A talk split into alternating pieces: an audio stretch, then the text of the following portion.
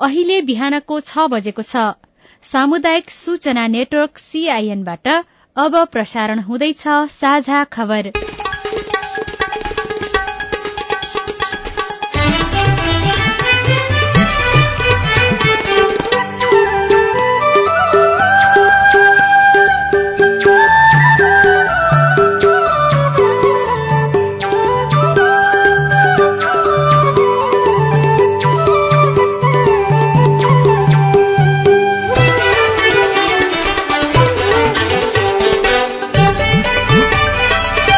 शुभ प्रभात यो सीआईएनको साझा खबर हो। गीता चिमोरियासँगै लील प्रकाश चन्दको तपाईँलाई स्वागत छ। देशभरिका सामुदायिक रेडियोबाट एकैसाथ प्रसारण भइरहेको साझा खबर सीआईएन खबर डट कम र मोबाइल एप अकुराब सीआईएनबाट पनि सुन्न सकिन्छ। आज दुई हजार पचहत्तर साल चैत उन्तिस गते शुक्रबार अप्रेल बाह्र तारीक सन् दुई हजार उन्नाइस नेपाल सम्बत एघार सय उनाचालिस चैत शुक्ल पक्षको सप्तमी तिथि आज अन्तर्राष्ट्रिय मानव अन्तरिक्ष विमान दिवस। साझा खबरमा प्रमुख खबरका शीर्षकहरू। लोकमार्गले बजार र रोजगारी बढ़ाउँदै देशभरमा अर्बौं मूल्यको जग्गा कब्जा भएको सरकारको निष्कर्ष खोज्न आयोग गठन गरिने विद्युत प्राधिकरणमा साढे सात अर्ब हिनामिना। माग पूरा गराउन चिकित्सकको बहत्तर घण्टे अल्टिमेटम दुई दिनभित्रमा सहमति हुने संचार मन्त्रीको दावी हुरीले बाह्र र पर्सामा एकाउन्न करोड़को क्षति। पहाड़ी जिल्ला औलोको उच्च जोखिममा विदेशी लगानीको अरूण तेस्रोमा स्वदेशी लगानी समायोजन भएको क्षेत्रमा खटिन बाह्र हजार कर्मचारीलाई पत्र। भारतमा लोकसभा निर्वाचन पहिलो चरणमा एकानब्बे निर्वाचन क्षेत्रमा मतदान बेलायतलाई ब्रेक्जिट सार्न अनुमति सुडानमा सेनाद्वारा राष्ट्रपतिको पद मुक्त। र आठौं राष्ट्रिय खेलकुदमा पहिलो स्वर्ण पुलिसलाई राजर्षी जनक फुटबलमा एपीएफ सेमी फाइनलमा विश्वकप दुई हजार बाइस छनौट नेपालले सिधै दोस्रो चरणमा प्रतिस्पर्धा गर्ने।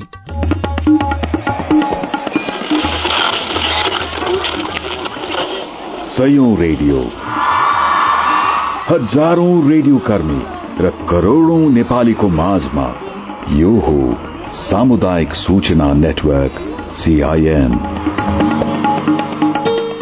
काठमाडौँबाट आज प्रकाशित पत्र पत्रिकाहरूमा चिकित्सकहरूको आन्दोलन र यसले बिरामीमा परेको असर र सरकारले केही दिन भित्रैमा सहमति हुन्छ भनेको प्रसंगलाई प्राथमिकताका साथ छापेका छन् र पत्र पत्रिकाहरूमा दुई हजार पचहत्तर सालको समीक्षा र उपलब्धिका विषयमा छुट्टा छुट्टै विशेषांकहरू पनि प्रकाशित भएका छन्। कतै हिनामिना र सुशासनमा देखिएको समस्याको विषयलाई पनि पत्र पत्रिकाहरूले प्राथमिकताका साथ छापेका छन्। सबभन्दा शुरूमा लोकमार्गले समृद्धिको योजना र यात्रा शुरू गरेको प्रसंग। रूकुम पूर्वको भूमि गाउँपालिका तीन सिसाघारी गाउँ मध्य पहाड़ी लोकमार्गको ट्र्याक खुलेपछि बजार बनेको छ।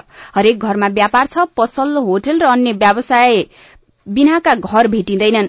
लोकमार्ग स्तर उन्नतिको काम हुँदै गर्दा सिसाघारीमा घर थपिरहेको छ। भूमि गाउँपालिका दुई खाबाङ बगर पनि बजार भएको छ। लोकमार्गसँगै गाउँपालिका कार्यालय छ। रूकुम पश्चिमको सानीभेरी गाउँपालिकाको कार्यालय र सड़कको दूरी झण्डै सय मिटरको छ। सड़कले गाउँपालिकालाई दायाँ बायाँ पारेको छ। बजार विस्तार तीव्र छ। आर्थिक गतिविधि पनि बढ़ेको छ। सिसाघारी बजारका नन्दवीर सुनारले गाड़ी चल्न थालेपछि सिसाघारीको आर्थिक गतिविधि दोब्बर भएको बताउनु भएको छ। गोर्खामा पनि समृद्धि लोकमार्गले समृद्धि बढ़ाएको खबर छ। गाउँमा पहिलो पटक बस आइपुगेपछि गाउँले पञ्चेबाजा घन्काए। चालकलाई पैसाको माला लगाएर स्वागत गर्दै धार्से गाउँपालिका छ काशी गाउँमा गत शनिबार बस पुग्दा कुनै ठूलो उत्सव जस्तै भयो। सबैभन्दा बढ़ी खुशी गाउँका ज्येष्ठ नागरिकहरू देखिएका थिए। गाउँपालिकाले एक करोड़ सत्ताइस लाख खर्चेर पाँच किलोमिटर ट्र्याक खोलेपछि काशी गाउँ सड़क सञ्जालले जोडिएको ओडाध्यक्ष धनकुमार घलेले बताउनु भएको छ। अन्य जिल्लामा पनि लोकमार्गले बजार बढ़ाएको र आर्थिक गतिविधि बढ़ेका खबरहरू छन् कान्तिपुर दैनिकमा विभिन्न जिल्लाको खबर लेखिएको छ। सरकारले भूमाफियाबाट हडपिएका सरकारी जग्गाको खोजी गर्न उच्च स्तरीय आयोग बनाउने भएको छ। देशका विभिन्न भागका अर्बौं मूल्यका सरकारी जग्गा भूमाफियाबाट हडपिएको पाइएपछि सरकारले ती सबै जग्गा पहिचान गरी सरकारकै नाममा ल्याउने उद्देश्यले उच्च स्तरीय छानबिन आयोग बनाउने निर्णय गरेको हो। केही समय अघि बसेको मन्त्री परिषद बैठकले ललिता निवास क्याम्पसमा हडपिएको एक सय तेह्र रोपनी सरकारी जग्गा फिर्ता गर्ने निर्णय गर्दै यस्तै प्रकृतिका अन्य स्थानमा हडपिएको जग्गा खोज्न उच्च स्तरीय आयोग बनाउने निर्णय गरेको हो। सरकारले आयोग गठन सम्बन्धी प्रस्ताव बनाएर मन्त्री परिषदमा पेश गर्न भूमि व्यवस्था सहकारी तथा गरीबी निवारण मन्त्रालयलाई निर्देशन दिएको छ। भूमि व्यवस्था मन्त्रालयका सचिव गोपीनाथ मैनालीले अतिक्रमित जग्गा खोज्न उच्च स्तरीय आयोग गठनको गृह कार्य अघि बढ़ाइएको जानकारी दिनुभयो। उहाँले यस सम्बन्धी प्रस्ताव छिट्टै मन्त्री परिषदमा पठाइने बताउनुभयो। राजधानीको बालुवाटार स्थित ललिता निवासको एक सय तेह्र रोपनी सरकारी जग्गा भूमाफियाले हडपेको सार्वजनिक भएपछि सरकारी आयोग गठन गर्ने निर्णयमा सरकार पुग्यो। एक महिना अघि बसेको मन्त्री परिषद बैठकले भूमाफियाले आफ्नो नाममा पारेको ललिता निवासको एक सय तेह्र रोपनी सरकारी जग्गा सरकारको नाममा ल्याउने निर्णय गरिएको थियो। यसैबीच विद्युत प्राधिकरणमा साढे सात अर्ब हिनामिना भएको पाइएको छ। महसुल निर्धारणका क्रममा नेपाल विद्युत प्राधिकरणमा झण्डै साढे सात अर्ब रूपियाँ अनियमितता भएको हो। लोड सेडिङका बेला बीस घण्टा भन्दा बढ़ी विद्युत आपूर्ति हुने केही उद्योग र व्यापारी फर्मलाई अस्वाभाविक रूपमा महसुल छूट दिएको भेटिएको छ।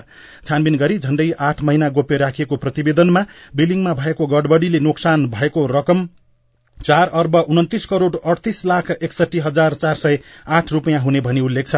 प्राधिकरणका संचालक भक्त बहादुर पुनको संयोजकत्वमा गठित समितिले आठ क्षेत्रीय कार्यालय मध्ये सबैबाट यसरी उठ्नुपर्ने रकम चुहावट भएको निष्कर्ष निकालेको छ पत्र पत्रिकाहरूले खबर लेखेका छन्। जनकपुर धाम उपमहानगरपालिका तेइस बस पार्क स्थित नेपाल सरकार मातहत रहेको अरबौं रूपियाँ बराबरको जग्गा भूमाफियाले अतिक्रमण गरी निजी संरचना निर्माण गरेको पाइएको छ। स्थानीय चलन चल्तीको भाव अनुसार कम्ती मा एक करोड़ रूपियाँ प्रति कट्ठाको दरले बिक्री हुने पन्ध्र बिघा जग्गा भूमाफियाले अतिक्रमण गरेका नागरिक दैनिकमा जनकपुरबाट सुरेश यादवले खबर लेख्नु भएको छ।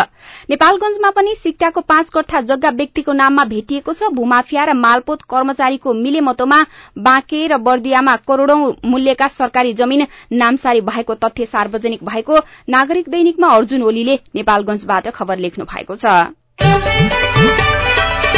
बारा र पर्सामा आएको हुरीबाट कृषि र पशुपन्छी क्षेत्रमा करिब एकाउन्न करोड़को क्षति भएको छ। कृषि तथा पशुपन्छी विकास मन्त्रालयले बिहिबार सार्वजनिक गरेको अध्ययन प्रतिवेदन अनुसार कृषि र पशुपन्छी क्षेत्रमा पचास करोड़ उना अस्सी लाख बत्तीस हजार सात रूपियाँको क्षति भएको हो।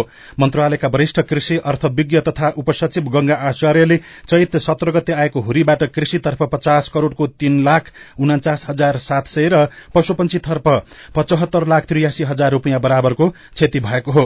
क्षतिको अध्ययन गर्न स्थानीय कृषि ज्ञान केन्द्रलाई परिचालन गरिएको थियो। हुरीका कारण सयौं बासिन्दाको कृषि र पशुपन्छी पेशा नै गुमेको छ।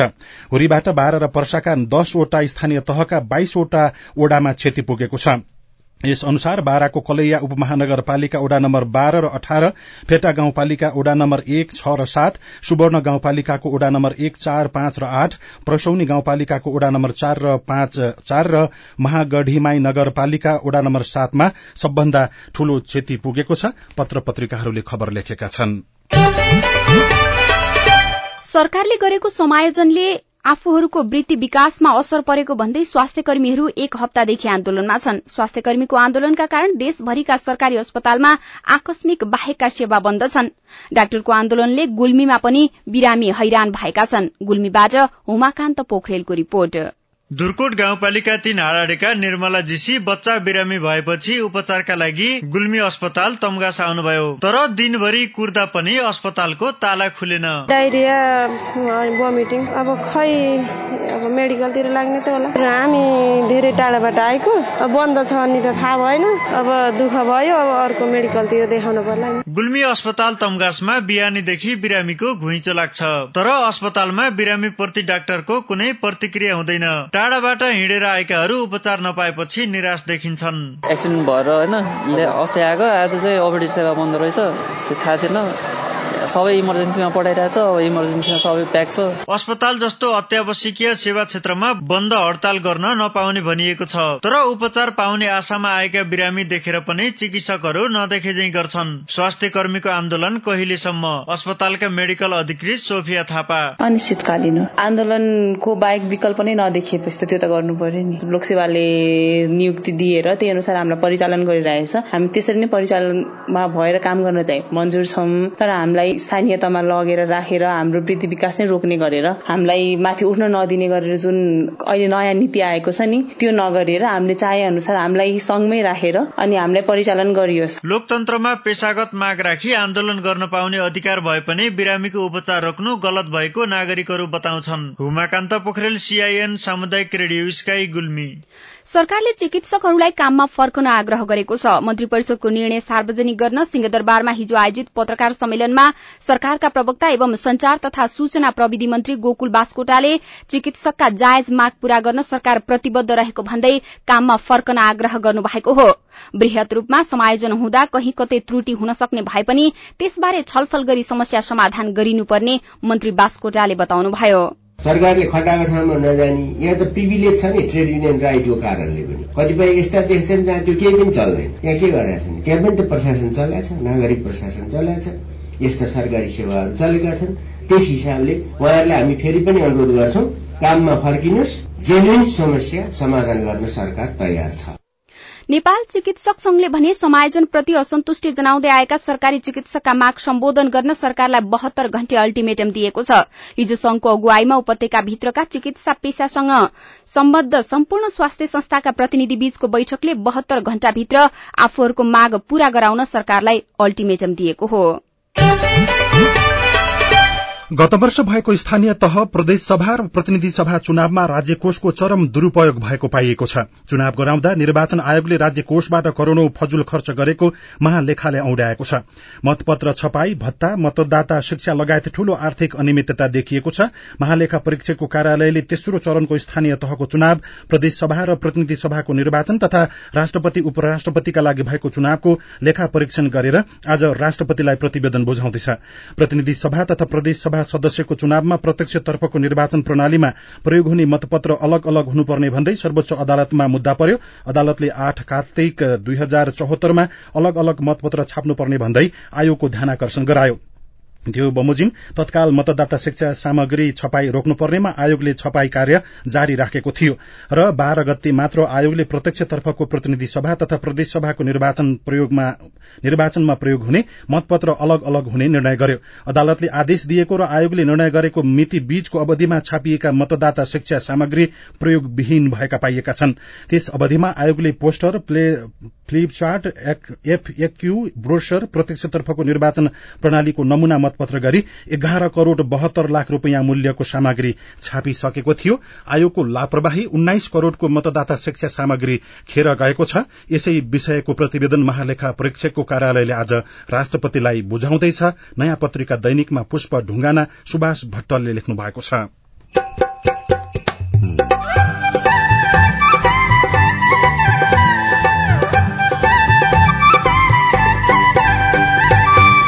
सामुदायिक सूचना नेटवर्क सीआईएन मार्फत देशभरि प्रसारण भइरहेको साझा खबरमा कहाँ पुग्यो राजपा फोरम एकताको विषय। हामीले भने कि पार्टी एकीकरण गर्नुहोस् त्यति बेला निर्णय गर्नुहोस् अनि सरकार हामी छोडिदिन्छौँ। सरकार कुनै ठुलो कुरा भएन। चाँडै भन्दा चाँडै वार्ता प्रक्रिया शुरू गर्छु पहाड़ी जिल्ला औलोको उच्च जोखिममा बिजुली किनबेच अब अनलाइनबाट हुने लगायतका खबर बाँकी नै छन्। सीआईएनको साझा खबर सुन्दै गर्नुहोला। बाल बालिकालाई माया गरौं उनका कुरा सुनौ। कसैबाट पनि बाल बालिकामाथि हिंसा दुर्व्यवहार हुन नदिऊ बाल बालिकालाई श्रममा होइन विद्यालयमा पठाउ। कहीँ कतै पनि बाल अधिकारको उल्लंघन भएको छ भने त्यस्ता घटना नलुकाऊ उजुरी गरौं। बाल बालिकाको संरक्षण गर्नु तपाईँ हामी सबैको दायित्व हो। बाल बालिकालाई सबै प्रकारका हिंसा र शोषणबाट जोगाउन आजैबाट सहकार्य गरौं। नेपाल सरकार महिला बाल बालिका तथा ज्येष्ठ नागरिक मन्त्रालय र केन्द्रीय बाल कल्याण समिति। देवलमणि पौडेल प्रदेश नम्बर तिनको मुख्यमन्त्री बाल विवाह मुक्त प्रदेश घोषणा गर्ने क्रममा छौँ र त्यो हामीले नीति र कार्यक्रममा त्यसमा समावेश गरेका छौँ। कार्यान्वयन तहमा जाने स्थानीय तहहरू हुन्छन्। स्थानीय तहलाई बढी जिम्मेवारी लिनुपर्छ किनभने तपाईँ प्रत्येक वडाका सदस्यहरूले थाहा हुन्छ वडा वडामा जनप्रतिनिधिहरू हुनुहुन्छ त्यो उहाँहरूलाई बढी सक्रिय गराउनको निम्ति के गर्नुपर्छ? र त्यसलाई नियन्त्रण गर्न त्यहाँको भूमिका के हो? होइन प्रदेशको भूमिका के हो? यी सबैका बारेमा हामी छलफल गरेर यसको अन्तिम निष्कर्षमा निर्णयमा पुग्छौँ र हामी यो वर्ष यसलाई बाल विवाह मुक्त प्रदेश बनाउने अभियान सबै जिल्लाहरूमा प्रतिबद्धता जाहेर गराउने अहिलेको अभियान छ। बाल विवाह मुक्त प्रदेश बनाउनै पर्छ बाह्र वर्षकी बच्चाले बच्चा पाइरहेको अवस्था पनि देख्यो आफ्नै आँखा अगाडि होइन? अब यो खालको स्थितिबाट यो मुलुकलाई यो समाजलाई चाहिँ मुक्त गर्नुपर्छ भन्ने हाम्रो प्रतिबद्धताका साथ नै लाग्ने हो यसमा शङ्का गर्ने पर्छ। सामाजिक रूपान्तरणका लागि यो हो सामुदायिक सूचना नेटवर्क सीआईएन तपाई अहिले देशभरिका सामुदायिक radio CIN Khabar dot com र मोबाइल एप अकोराब सीआईएनबाट एकैसाथ साझा खबर सुन्दै हुनुहुन्छ। कर्णाली प्रदेशकै सबैभन्दा धेरै जलविद्युत योजना भएको दैलेखको नौमुले गाउँपालिका। पछिल्लो समयमा विकासको गतिसँगै जलविद्युतको केन्द्र बनेको छ। जलविद्युत आयोजनाको केन्द्रका रूपमा चुनिँदै आएको नौमुले गाउँपालिकामा मात्रै बेग्ला बेग्लै चारवटा हाइड्रो पावर कम्पनीहरूले काम थालनी गरेका छन्। द्वारिका खोला हाइड्रोले गत वर्षदेखि विद्युत उत्पादन शुरू गरेको छ भने पदम खोला हाइड्रो पावरको काम सत्तरी प्रतिशत सम्पन्न भएको छ। तल्लो लोहोरे खोला हाइड्रोको काम प्राविधिक समस्याले रोकिएको छ भने अप्पर लोहोरे हाइड्रोको काम शुरू हुने तयारीमा छ। जलविद्युतको हब बन्दै नौमुले मोहन सापकोटाले कारोबार राष्ट्रिय दैनिकमा खबर लेख्नु भएको छ। यसैबीच नेपालले भारतको ऊर्जा बजारमा बिजुली बेच्न र किन्न पाउने भएको छ। दुई देशबीच अनलाइन प्रणाली मार्फत ऊर्जा एक्सचेन्ज मार्केट सट्टा बजारमा किनबेच सम्बन्धी सम्झौता हुन लागेको हो। विद्युत प्राधिकरणको विद्युत व्यापार विभागका प्रमुख प्रबल अधिकारीले भारतीय ऊर्जा व्यापार कम्पनी एनभीभीएन एनटीपीसी विद्युत व्यापार निगम र प्राधिकरण बीच बिजुलीको अनलाइन कारोबार सम्बन्धी सम्झौताको तयारी पूरा भएको बताउनुभयो। सम्झौता केही दिन भित्रै हुने उहाँले जानकारी दिनुभयो। बिजुलीको किनबेच अब अनलाइनबाट हुने भयो। विकास थापाले अन्नपूर्ण पोस्टमा लेख्नु भएको छ। बाजुरा लगायत उच्च पहाड़ी जिल्लामा पछिल्लो समय औलो रोगको संक्रमण तीव्र रूपमा बढ़ेको एक तथ्याङ्कले देखाएको छ। तराईका जिल्लामा देखा पर्ने रोगका रूपमा परिचित औलो उच्च पहाड़ी जिल्ला बाजुरा मुगु र हुम्ला लगायतका जिल्लामा देखा पर्न थालेको हो। पहाड़ी जिल्लामा समेत औलो रोगको संक्रमण बढ़ेपछि यसले चिन्ता बढ़ाएको अधिकारीहरूले बताएका छन्। बाजुरामा आर्थिक वर्ष दुई हजार त्रिहत्तर चौहत्तरमा औलोका संक्रमितको संख्या चौध भए पनि आर्थिक वर्ष चौहत्तर पचहत्तरमा बढ़ेर चौहत्तर पुगेको देखिएको छ। रेडियो बुढीनन्दा बाजुराबाट नहकुल जोशीले खबर पठाउनु भएको छ। पचासी वर्ष अघि शहीद शुक्रराज शास्त्रीका नाममा स्थापना गरिएको शुक्रराज ट्रोपिकल तथा सरूवा रोग अस्पताल अहिले आफै थला परेको छ। हैजा रोग उपचार गर्न शुरू भएको यो अस्पताल देशकै एकमात्र सरूवा रोग नियन्त्रण अस्पताल हो। सबै खालका ज्वरो जस्तै काला ज्वर typhoid fever dengue Japanese encephalitis HIV जस्ता रोगका लागि यो अस्पताल नै प्रमुख हो। देशका कुना काप्चाबाट बिरामी रिफर भएर यहाँ आउँछन्। तर त्यस्तो महत्वपूर्ण अस्पताललाई सरकारले खासै प्राथमिकतामा राखेको देखिँदैन। अस्पतालमा चिकित्सकहरू नियमित छैनन् भने उपकरण अभावमा गम्भीर रोग लागेका बिरामी निजी अस्पताल जानुपर्ने बाध्यता छ। म्याद सकिन लागेका औषधि टेकु अस्पतालद्वारा खरिद नयाँ पत्रिका दैनिकमा खबर छ। सरकारले बाह्र हजार कर्मचारीलाई समायोजन भएको कार्यक्षेत्रमा खटिनका लागि पत्र दिएको छ। गएको चैत चौध गते समायोजन सकिएको घोषणा गरेको संघीय मामिला तथा सामान्य प्रशासन मन्त्रालयले अहिलेसम्म बाह्र हजार कर्मचारीलाई कार्यक्षेत्रमा जानका लागि पत्र दिइएको जानकारी दिएको हो। पत्र हात परेको एक्काइस दिनभित्र कर्मचारी समायोजन भएको क्षेत्रमा पुगिसक्ने मन्त्रालयका निमित्त सचिव सुरेश अधिकारीले सीआईएनसँगको कुराकानीमा बताउनुभयो। लास्टमा चाहिँ हामी के गर्छौँ भनेदेखि स्थानीय तहमा अहिले कार्यरत तर संघमा चाहिँ उनीहरूको समायोजन भएका कर्मचारीहरूलाई हामी लास्टमा मात्रै पत्र दिन्छौँ। किन भन्दाखेरि स्थानीय तहमा रहेका संघमा चाहिँ समायोजन भएका कर्मचारीलाई फर्स्टमा पत्र दिउँ भनेदेखि फेरि स्थानीय सेवामा चाहिँ त्यसले नकारात्मक असर पर्छ। त्यसले त्यो लाइनबाट हामीले काम गरिरहेका छौँ अहिलेसम्म मलाई लाग्छ दस बाह्र हजार कर्मचारीको चाहिँ त्यसरी पत्र गइसकेको छ भने अरू कर्मचारीहरूको पत्र जान बाँकी छ। अब यो पत्र सबै तहकालाई दिइसक्न कति समय लाग्ला र पदस्थापना हुन नै यो आर्थिक वर्षभित्र सकिन्छ कि अझै लम्बिएला? होइन यो आर्थिक वर्ष लाग्दै लाग्दैन पत्र दिनको लागि। तर कुरा के हो भन्दाखेरि हामी पत्र चाहिँ दिन्छौँ तर अहिले स्थानीय तहमा काम गरिरहेका कर्मचारीहरू अहिले सङ्घमा आइदिए भनेदेखि चाहिँ स्थानीय तहमा बडो ठुलो समस्या हुन्छ सेवा प्रवाहको। त्यसैले गर्दा हामी के सोच्छौँ भनेदेखि त्यहीँ रहिरहेका कर्मचारीलाई त्यति धेरै पत्र दिइहाल्न हामी हतार गर्दैनौँ। र पत्र दिए पनि उहाँहरूलाई असार मसान्तसम्म अहिलेकै ठाउँमा काम गरिरहनको लागि आग्रह गर्ने तयारीमा छौँ। साझा खबरमा अब हेलो सीआईएन प्रस्तुत गर्दै हुनुहुन्छ स्नेहा कर्ण। नमस्कार म मलङ्गवा एघार गमडियाबाट बोलिरहेको छु। हाम्रो वाडामा बेरोजगार दर्ताका लागि निवेदन आएछ। अब यो फर्म कसरी भर्ने कहाँ भर्ने यसको लागि के के चाहिन्छ कसैलाई केही जानकारी छैन न वडा अध्यक्षलाई जानकारी छ न मेयरलाई जानकारी छ न सचिवलाई जानकारी छ कसैलाई जानकारी छैन। जवाफ दिँदै हुनुहुन्छ प्रधानमन्त्री रोजगार कार्यक्रमका उपसचिव डाक्टर लोकनाथ भूषाल त्यो वडामा उहाँले जानकारी पाउनु भने कि सबैले पाएनन् भन्ने एउटा कुरा हुन्छ।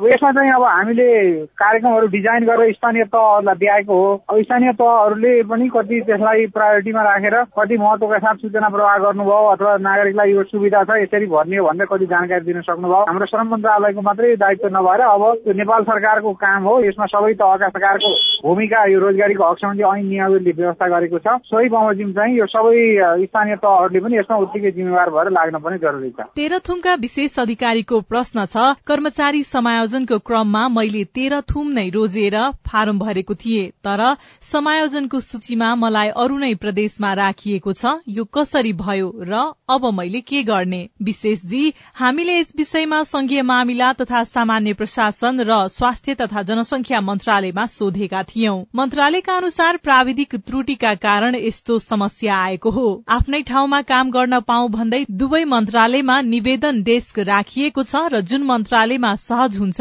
त्यहाँ गएर तपाईँले निवेदन दिन सक्नुहुनेछ। तपाई पनि जुनसुकै बेला हाम्रो टेलिफोन नम्बर शून्य एक पाउन्न साठी छ सय छयालिसमा फोन गरेर दिइएको निर्देशन अनुसार आफ्नो विचार गुनासो प्रश्न तथा प्रतिक्रिया रेकर्ड गराउन सक्नुहुनेछ। साथै हाम्रो Facebook page community information network CIN र Twitter handle at the rate CIN साझा खबरमा मेन्सन गरेर पनि आफ्ना कुरा लेख्न सक्नुहुनेछ। अब विदेशको खबर भारतीय लोकसभा निर्वाचन हिजोबाट शुरू भएको छ। पहिलो चरणमा देशका अठार राज्य र दुई केन्द्र शासित प्रदेशका एकानब्बे लोकसभा क्षेत्रमा मतदान सम्पन्न भएको छ। भारतमा पाँच सय त्रिचालिस लोकसभा क्षेत्रमा सात चरणमा मतदान हुनेछ। अन्तिम चरणको मतदान मे उन्नाइसमा हुने तय भएको छ। तेइस मेदेखि मतगणना शुरू हुने भारतीय निर्वाचन आयोगले जनाएको छ। हिजोबाट शुरू भएको निर्वाचन प्रक्रिया पूरा हुन कम्तीमा उन्चालिस दिन लाग्नेछ।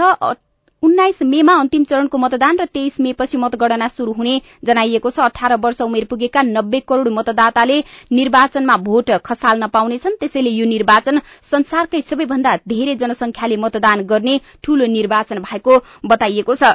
भारतीय निर्वाचन आयोगका अनुसार हिजो साँझ पाँच बजेसम्म बिहारमा पचास प्रतिशत पश्चिम बंगालमा अस्सी प्रतिशत उत्तर प्रदेशमा साठी प्रतिशत उत्तराखण्डमा सड़चालिस प्रतिशत मत खसेको छ। उड़िसामा छैसठी प्रतिशत तेलंगानामा एकसठी प्रतिशत जम्मू कश्मीरमा छयालिस प्रतिशत सिक्किममा पचपन्न मणिपुरमा अठहत्तर मिजोरमा पचपन्न प्रतिशत नागाल्याण्डमा त्रिहत्तर आसाममा अडसठी प्रतिशत र मेघालयमा बैसठी प्रतिशत मत खसेको भारतीय संचार माध्यमहरूलाई उद्धृत गर्दै पत्र पत्रिकाले खबर छापेका छन्। युरोपेली संघ यूका नेताहरूले युरोपेली संघबाट बेलायत बाहिरिने प्रक्रिया ब्रेक्जिट छ महिना पर सार्न अनुमति दिएका छन्। ब्रसेल्समा पाँच घण्टा लामो वार्तापछि यूका नेताहरूले उक्त निष्कर्ष निकालेका हुन्। अब आउँदो एकतीस अक्टोबरसम्ममा बेलायतले युरोपेली संघ छाड्नुपर्नेछ। र सुडानी सेनाले राष्ट्रपति ओमार अल बशीरलाई हिजो पदमुक्त गरिएको घोषणा गरेको छ। रक्षा मन्त्री अबाद इब्नौफले सरकारी टेलिभिजनमा सम्बोधन गर्दै यस्तो घोषणा गर्नुभएको हो। अब खेल खबर पछिल्लो पटक फिफा वरियतामा एसियाको शीर्ष चौतिस स्थानमा रहेपछि नेपाली राष्ट्रिय फुटबल टीमले विश्वकप दुई हजार बाइस छनौटमा सिधै दोस्रो चरणमा प्रतिस्पर्धा गर्ने भएको छ। सन् उन्नाइस सय छयासीको संस्करणबाट विश्वकप छनौटमा प्रतिस्पर्धा गर्न थालेको नेपालले पहिलो पल्ट बाई पाएर सिधै दोस्रो चरणमा खेल्ने अवसर पाएको हो। अन्तर्राष्ट्रिय फुटबल महासंघ फिफाले पछिल्लो पटक चार अप्रेल दुई हजार उन्नाइसमा जारी गरेको वरियतामा नेपाली पुरूष टीम एक सय स्थानमा रहेको थियो जुन एसियाली वरियतामा चौतिसौं स्थान हो। एसियाली फुटबल महासंघ एएफसी को अनुसार एसियाली वरियताका शीर्ष चौतिस टीमले छनौटको दोस्रो चरणमा प्रतिस्पर्धा गर्ने भएका छन्। पहिलो स्वर्ण पुलिसलाई प्राप्त भएको छ आठौं राष्ट्रिय खेलकुदमा। विभागीय टीम नेपाल पुलिस क्लब आठौं राष्ट्रिय खेलकुदमा स्वर्ण पदक जित्ने पहिलो टोली बनेको छ। टेबल टेनिसको महिला टीम इभेन्टमा नेपाल एपीएफ क्लबलाई तीन एकले पराजित गर्दै पुलिसले आठौंको पहिलो स्वर्ण जित्न सफल भएको हो। प्रहरीलाई दुई स्वर्ण आठौं अन्तर्गत चालिसौं राष्ट्रिय टेबल टेनिसको दोस्रो दिन प्रहरीले दुईवटा स्वर्ण जितेको छ। रोमनको पाँच गोल भएको छ। बास्केट बलमा विभागीय टीमको जित भएको छ। स्क्वासमा भावना र कृष्णाको दोहोरो जित भयो। सुदूरपश्चिम प्रदेशलाई तीनवटा स्वर्ण प्राप्त भएको छ। लन टेनिसमा आर्मी र एपीएफलाई स्वर्ण प्राप्त भएको छ। व्हील चेयर क्रिकेट संघ नेपालको आयोजनामा विश्वको पहिलो व्हील चेयर क्रिकेटको Asia cup T twenty cricket प्रतियोगिता वैशाख तेस्रो साता नेपालमा आयोजना हुने भएको छ। सुशील कोइराला मेमोरियल फाउन्डेशनको सहकार्यमा पहिलो Asia cup T twenty cricket प्रतियोगिता वैशाख अठारदेखि एक्काइस गतेसम्म पुल्चोक स्थित पुल्चोक इन्जिनियरिङ कलेजको खेल मैदानमा सञ्चालन हुने संघका अध्यक्ष छोल्टिम ग्याल्जेन शेर्पाले पत्रकार सम्मेलन मार्फत जानकारी दिनुभएको छ। पाँचौं निजगढ गोल्ड कप फुटबल प्रतियोगिताको उपाधिका लागि ब्रिगन्ज युनाइटेड फुटबल क्लब र आयोजक निजगढ युवा क्लब भेट्ने भएका छन्। हिजो सम्पन्न दोस्रो सेमी फाइनल खेलमा सर्लाही एघारलाई पराजित गर्दै निजगढ प्रतियोगिताको फाइनलमा प्रवेश गरेको रेडियो मध्यतराई निजगढ बाह्रले खबर पठाएको छ। र सशस्त्र प्रहरीको एपीएफ क्लब सरलाहीको बागमतीमा जारी राजर्षी जनक कप फुटबलको सेमी फाइनलमा प्रवेश गरेको छ। हिजो भएको खेलमा सुदूरपश्चिम एघारलाई चार शून्य गोलले पराजित गर्दै एपीएफले अन्तिम चारमा स्थान सुरक्षित गरेको हो। एपीएफको जितमा प्रवीण स्याङतानले दुई सुदीप शिखराकार र प्रदीप लामाले एक एक गोल गर्नुभयो। एपीएफले अब फाइनल प्रवेशका लागि वैशाख तीन गते थ्री स्टार क्लबसँग प्रतिस्पर्धा गर्नेछ। थ्री स्टार आयोजक बागमती युवा क्लबलाई चार शून्य गोलले नै पराजित गरी सेमी फाइनलमा प्रवेश गरेको थियो। रेडियो एकता सर्लाहीले जनाएको छ। राजपा फोरम र नयाँ शक्तिको एकता सम्भावना कति छ? रेडियो रिपोर्ट स्वस्थ जीवनशैली सम्बन्धी सन्देश अरू खबर र कार्टुन पनि बाँकी नै छ। साझा खबर सुन्दै गर्नुहोला।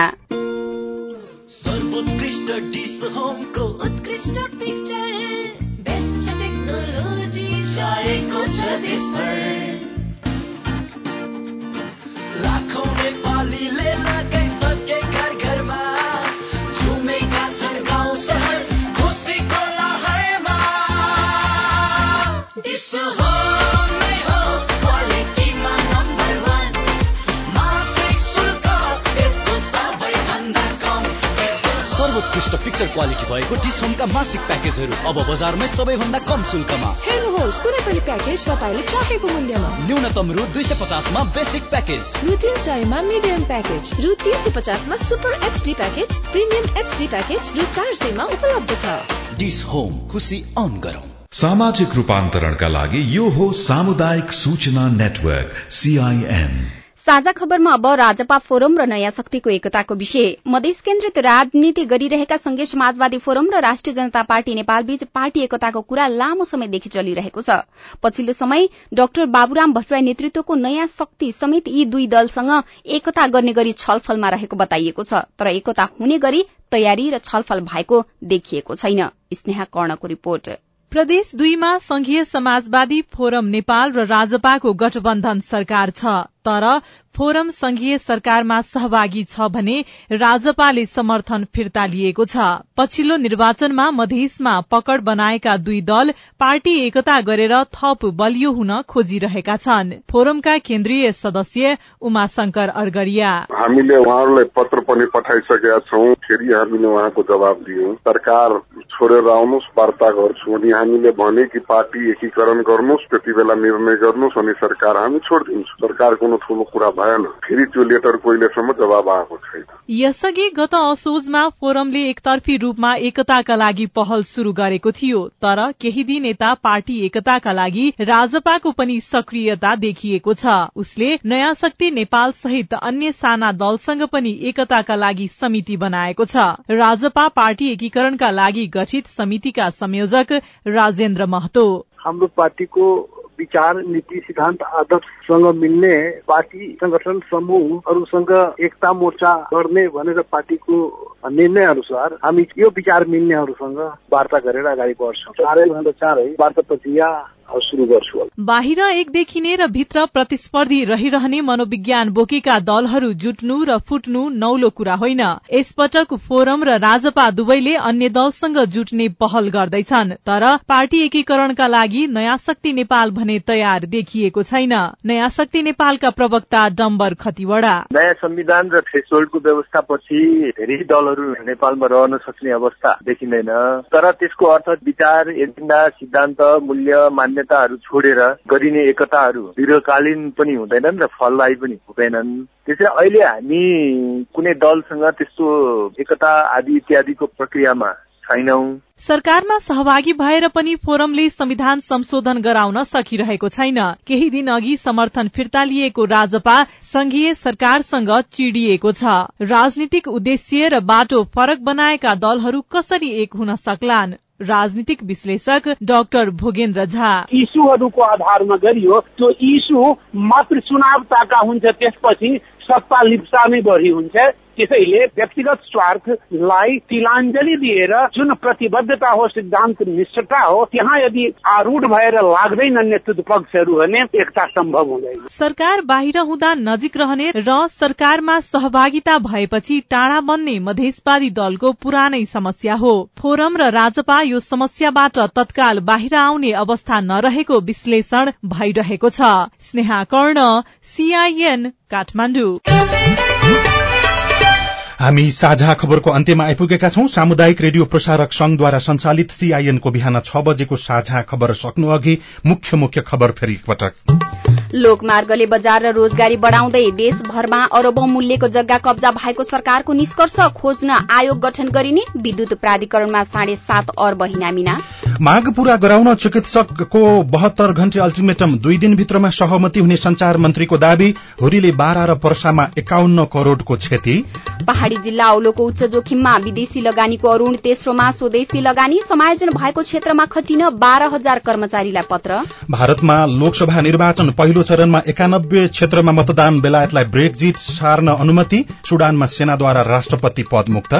र आठौं राष्ट्रिय खेलकुदमा पहिलो स्वर्ण पुलिसलाई राजर्षीजनक फुटबलमा एपीएफ सेमी फाइनलमा विश्वकप दुई हजार बाइस छनौट नेपालले सिधै दोस्रो चरणमा प्रतिस्पर्धा गर्ने। साझा खबरको अन्त्यमा कार्टुन। कार्टुन आज हामीले कान्तिपुर दैनिकमा गजब छबार शीर्षकमा अबिनले लेख्नु भएको कार्टुनलाई लिएका छौं। यहाँ व्यङ्ग्य गर्न खोजिएको छ। पछिल्लो समयमा सरकारी जग्गा जति सबै भूमाफियाले कब्जा गरिसकेको भेटिन थालेको छ र अस्ति भर्खरै मात्र सगरमाथाको उचाइ नाप्नको लागि एउटा टोली त्यसतर्फ गएको छ। त्यहाँ टोलीका सदस्यले सगरमाथाको उचाइ नापिराखेको जस्तो देखिन्छ। केही खनी राखेको खोस्री राखेको जस्तो देखिन्छ। तल चाहिँ यस्तो लेखिएको छ। नापिरा रे पलटिङ हो। ए हो भने चार आना जति मलाई पनि ल मिलेर खानुपर्छ के सरकारी जग्गा? हवस् त प्राविधिक साथी सुनिल राज भारतलाई धन्यवाद। अहिलेलाई लील प्रकाश चन्द र गीता चिमोरिया विदा भयौं। तपाईँको आजको दिन शुभ होस्। नमस्कार।